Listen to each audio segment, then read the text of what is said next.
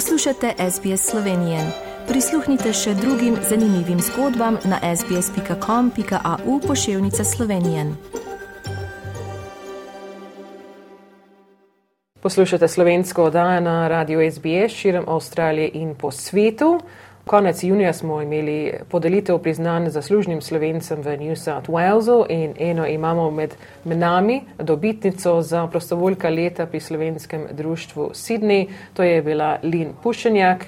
Welcome, Lynn, to the program. You won this award. Congratulations uh, from the Slovenian Community Awards uh, New South Wales for 2020, and this was for Volunteer of the Year for Slovenia Association Sydney. Thank you, Tanya. Good afternoon. You have been, uh, uh, I guess, uh, around here, and anyone that comes through the doors here at Slovenia Association Sydney would see your face for many years now. Um, we yes. heard a little bit about your story and your backstory and sort of how you got involved with the Slovenian community, not being directly Slovenian yourself. Tell us a little bit more from your own words how you got involved with the community. Well, I was involved here even before I, I was the secretary of the club. Um, I just used to come here for social dancing and friends. I did that for a few years until 2009 when I was asked if I could uh, be the secretary of the club. And since then, up to 2020, I was doing that secretarial role. And previous to that, we know that uh, that you also had a secretarial background because you were working for many years uh, also at TAFE or that's right, technical and further education, as we would know it in the full. full. Yes, I was working at um, TAFE for 27 years, and um, I gained a lot of experience there with computing, face to face with students. I really enjoyed my work there. And your background, as we said earlier, is not Slovenian, but of Italian heritage? Italian heritage, yes. Both my parents were Italian, yes. And they came here in? They came here in 1940s, yeah. Wow. Uh, they were here for a few years, then we all went back. Well, I was born after that, after 1940.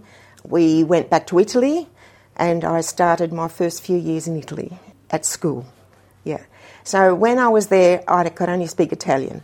When we returned after two years, I think it was two years, yes, um, I didn't know any English and I was ready to start primary school then.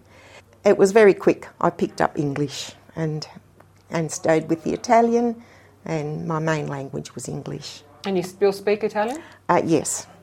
not fluent, not fluent, yeah. And then, how did you meet uh, William Pušenjak, your husband? Because that's how you, your connection to the Slovenian community. That's right. Um, my sister and I used to go to a lot of dances on Saturday nights. That's what everyone did at the time. Well, I went to the Trocadero in George Street, Sydney, and I met this guy, and it was William. And uh, after that, we um, started dating, and then we left each other because he had a lot of work in Canberra.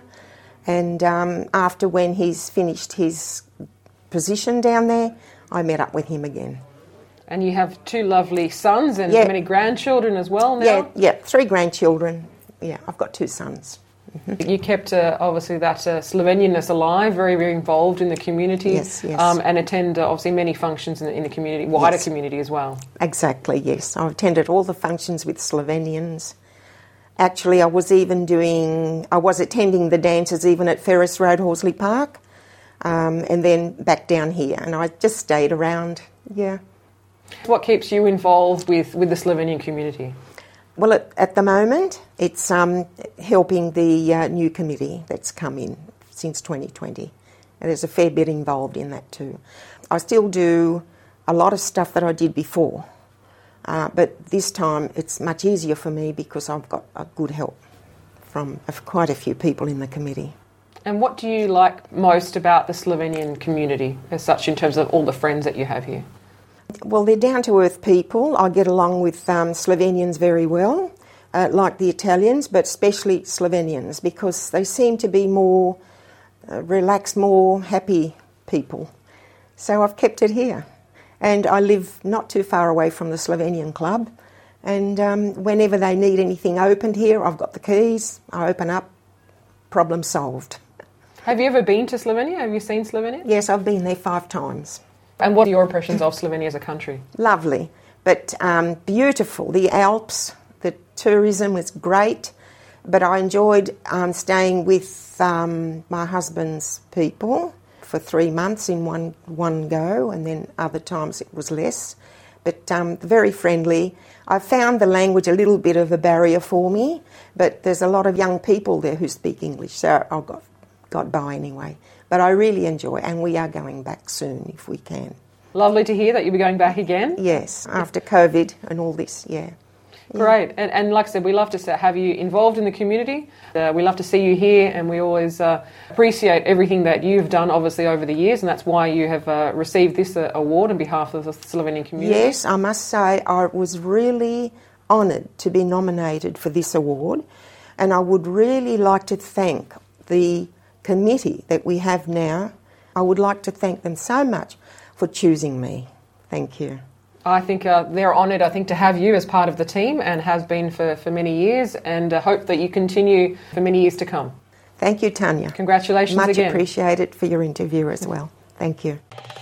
Želite slišati sorodne zgodbe? Prisluhnite jim preko Apple ali Google podcasta, preko aplikacije Spotify ali kjerkoli drugje.